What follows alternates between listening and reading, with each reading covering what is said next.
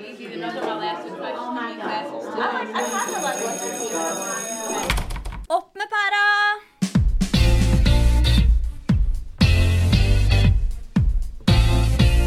Velkommen til Opp med pæra. Den podkasten som diskuterer læring og undervisning i digitale omgivelser.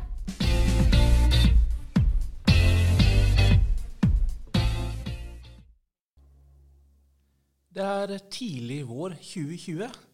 Koronapandemien slår innover landet. Tilværelsen snus opp ned. Skolestenging, sosial isolasjon og hjemmekontor. I høyere utdanning blir alle landets campuser stengt.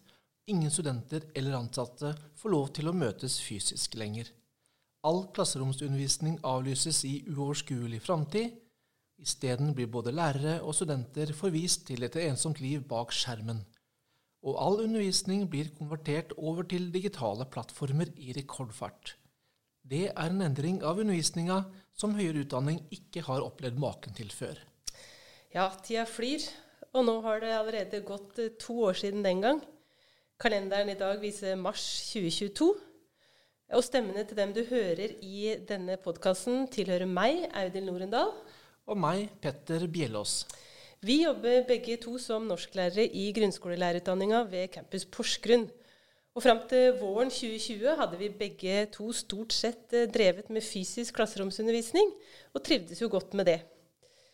De to siste årene har undervisninga vår i stor grad foregått via skjerm. Nå er vi tilbake i klasserommet igjen. Eh, ringen er med andre ord sluttet i denne omgang. Ja, og i den sammenhengen da, så har jo vi gjort oss mange erfaringer om det å undervise på nettet kontra det å undervise fysisk. Og vi kunne diskutert ganske mye i den forbindelse. Men eh, her og nå så har vi lyst til å reflektere over mulighetsrommet eh, for studentenes muntlige deltakelse på nett kontra i klasserommet. Hva er det vi får, og hva er det vi mister? Ja, Petter. Hvordan eh, er det digitale klasserommet innretta sammenligna med det fysiske?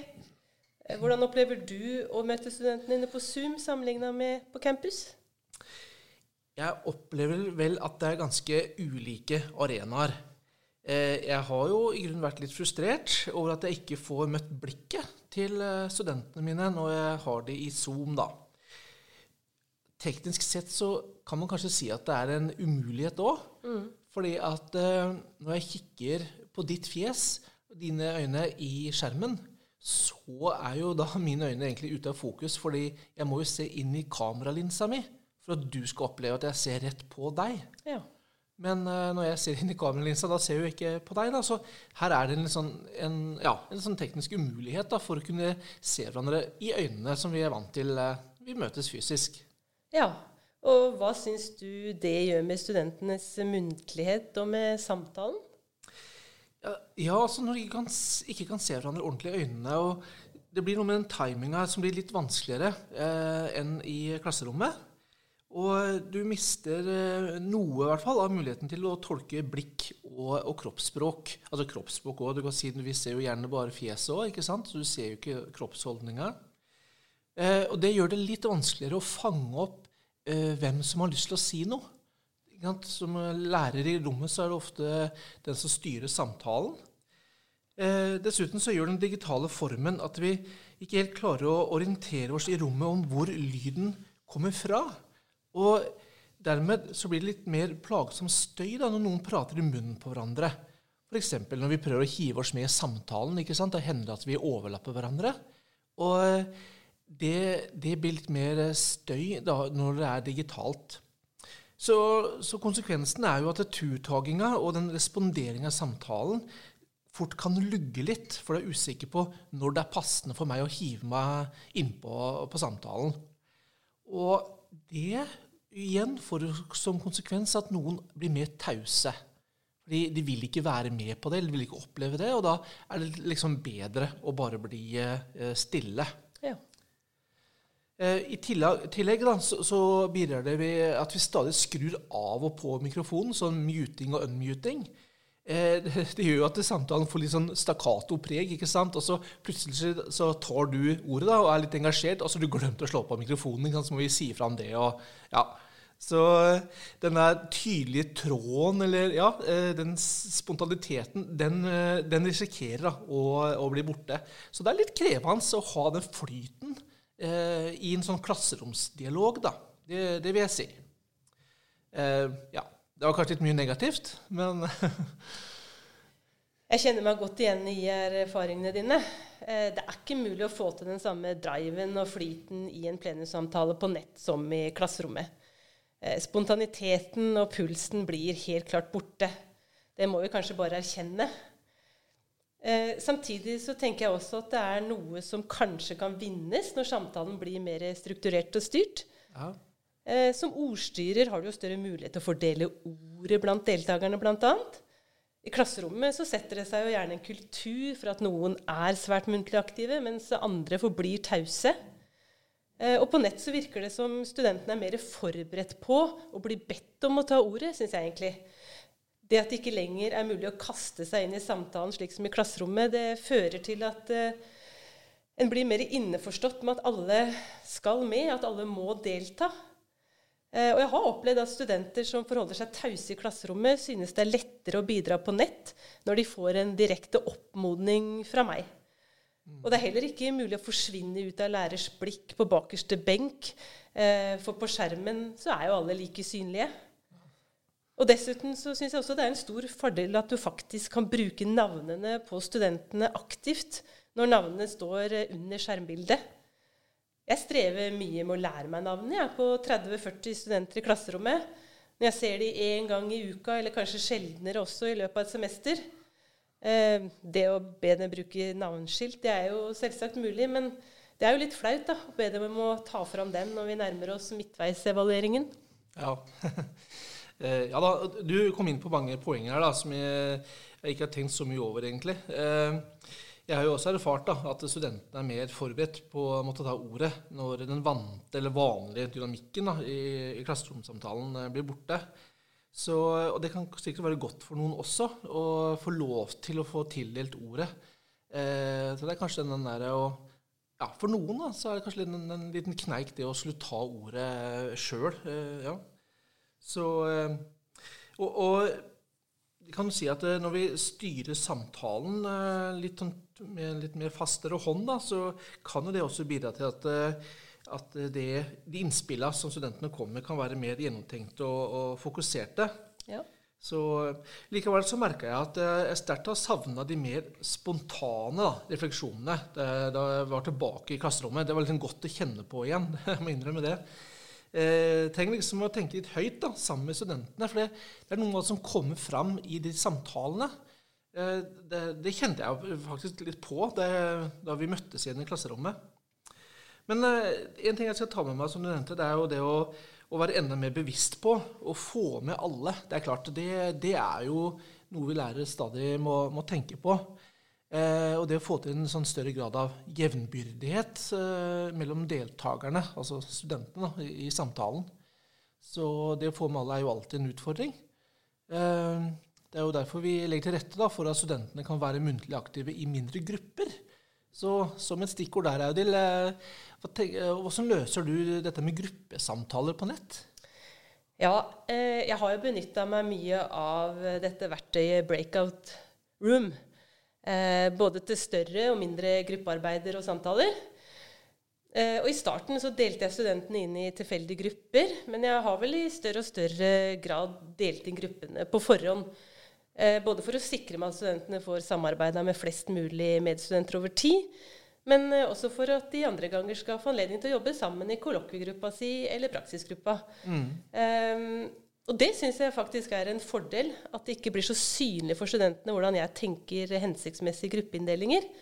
Um, I klasserommet kan det jo lettere bli reaksjoner på lærers valg av grupper, og det blir kanskje synligere hva som er tanken bak inndelingen av de ulike gruppene. Mm, mm. Ja da, altså gruppeinndelinga fungerer jo si, veldig enkelt og greit da, eh, med den breakout. Altså, med en knapp så kan du bare ha vips, eh, grupper. Eh, men når du gjør en, en, plan bak det, så får du jo differensiert og variert litt eh, mer. Mm. Eh, jeg opplever også noen utfordringer da, eh, med gruppeoppgaver og, og gruppesamtaler på nett. det kan være litt vanskelig å lage egne oppdrag, også det å beregne tidsbruken. Ja, absolutt. Ja, eh, Å lage gode oppgaver er selvfølgelig ofte litt krevende i seg sjøl. Eh, men i klasserommet så kan du jo ha den dialogen hvor du, da, gjør, eh, hvor du forklarer litt bedre. Du presiserer da, hva du har tenkt. Eh, studentene kan komme med oppklaringsspørsmål. Eh, når du har sendt studentene ut eh, på de her i breakout rooms, så forsvinner de jo litt eh, fra deg. De er ikke lenger synlige. Eh, og, så Strengt tatt så vet jeg jo ikke om de sitter og jobber hardt, eller om de har begynt å ta seg en pause, eller hva vet jeg. Støvsuger de. Så eh, jeg vet jo egentlig ikke da hvor effektivt og godt de, de jobber. da. Eh, I klasserommet så har du jo alle samla. Jeg kan bevege meg fritt rundt i rommet. De ser at jeg kommer mot dem. De kan kanskje være eh, forberede seg på å stille meg et spørsmål eh, underveis. Og jeg ser jo også en som trenger litt sånn oppfølging underveis. da. Og, og, jeg kan også ta opp spørsmål i plenum ganske enkelt hvis det er en gruppe som har et spørsmål som jeg skjønner gjelder flere. Hvis jeg har gruppearbeid som tar litt lengre tid, da, eh, så besøker jeg jo gruppene eh, digitalt. Eh, men den timinga og den flyten blir ikke helt den samme. Eh, og, så er dette med å kjenne på hvor lang tid har de brukt, og eh, ja, litt, Jeg syns det er litt vanskeligere å beregne tida, da. Det må jeg si. Ja. Jeg kjenner meg veldig godt igjen i de betraktningene der. For meg så var det også sånn at jeg etter hvert begynte å grue meg litt for å besøke gruppene. Eh, for det var jo noen ganger sånn at ikke de oppdaga at jeg hadde kommet inn i rommet. Eh, og jeg på min side jeg ønska jo ikke å bryte inn i den gode samtalen som de hadde gående. Og dermed så blei jeg jo en flue på veggen. Eh, og da studentene oppdaga meg, eller jeg til slutt da måtte gi meg til kjenne, så hendte det at de blei litt beskjemma, rett og slett, for de skjønte at jeg hadde vært der en stund. Eh, og da følte jeg meg rett og slett som en inntrenger. Eh, derfor så blei det jo også etter hvert eh, en etablert praksis for meg å tydelig fortelle studentene i forkant om jeg hadde tenkt å komme på besøk eller ikke. og være tydelig på å si hei med en gang jeg kom inn i, mm. i rommet. Og slike problemer slipper du jo i klasserommet. Samtidig så opplevde jeg også at det å kunne ha full oppmerksomhet på én gruppe, det ga jo en spesiell god anledning til å se de studentene da, som eh, lett forsvinner for en i klasserommet. Eh, men en annen ting eh, Endra du oppgavetyper da undervisninga ble digital? Ja, for, ja, eh, litt med tanke på den tidsbruken nå, da. Så var det at eh, jeg kan liksom ikke starte en oppgave, og så kan vi liksom tilpasse tida litt underveis. Når jeg ser om de trenger mer tid, eller kanskje jeg må avslutte litt tidligere. Så jeg måtte jo tenke meg litt grundigere gjennom eh, når jeg skulle lage oppgaver, og med tanke på tidsbruk. Så ting ble kanskje litt tydeligere, eller ja, litt mer konkret da, eh, denne gangen når jeg hadde det på, på nett.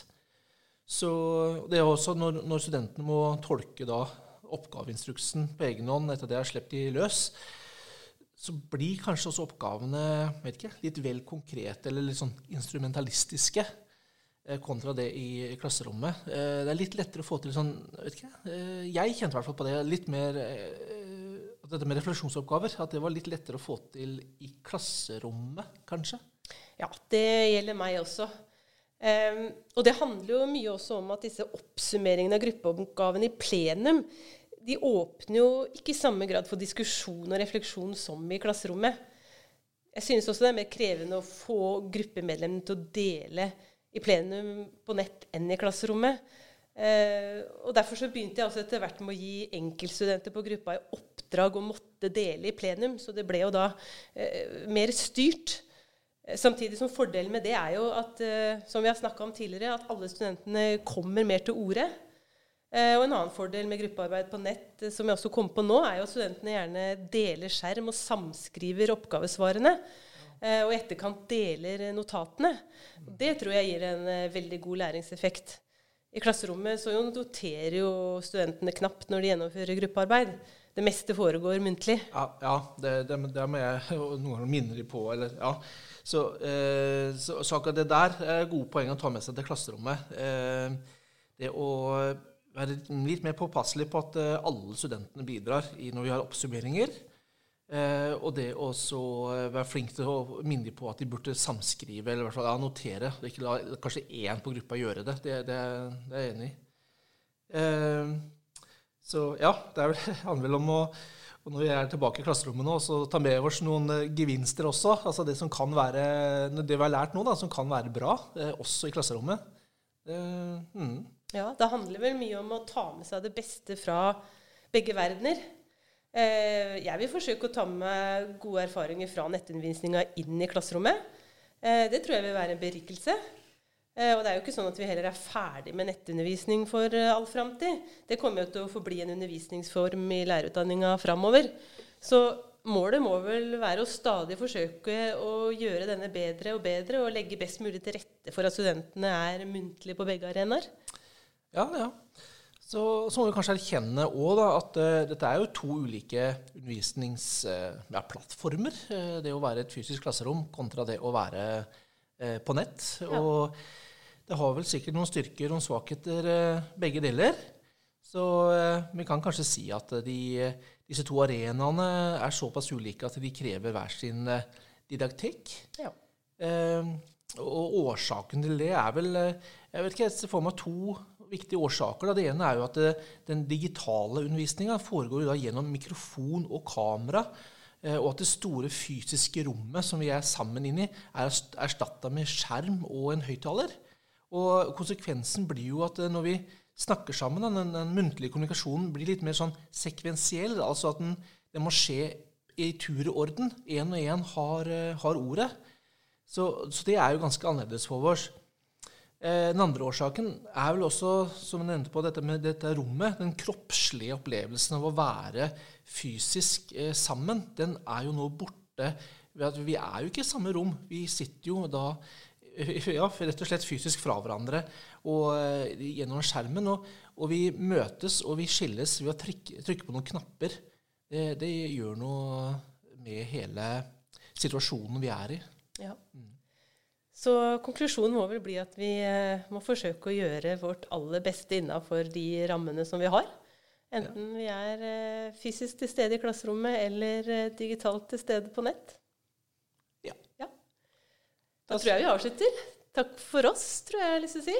Ja. ja. Takk for oss.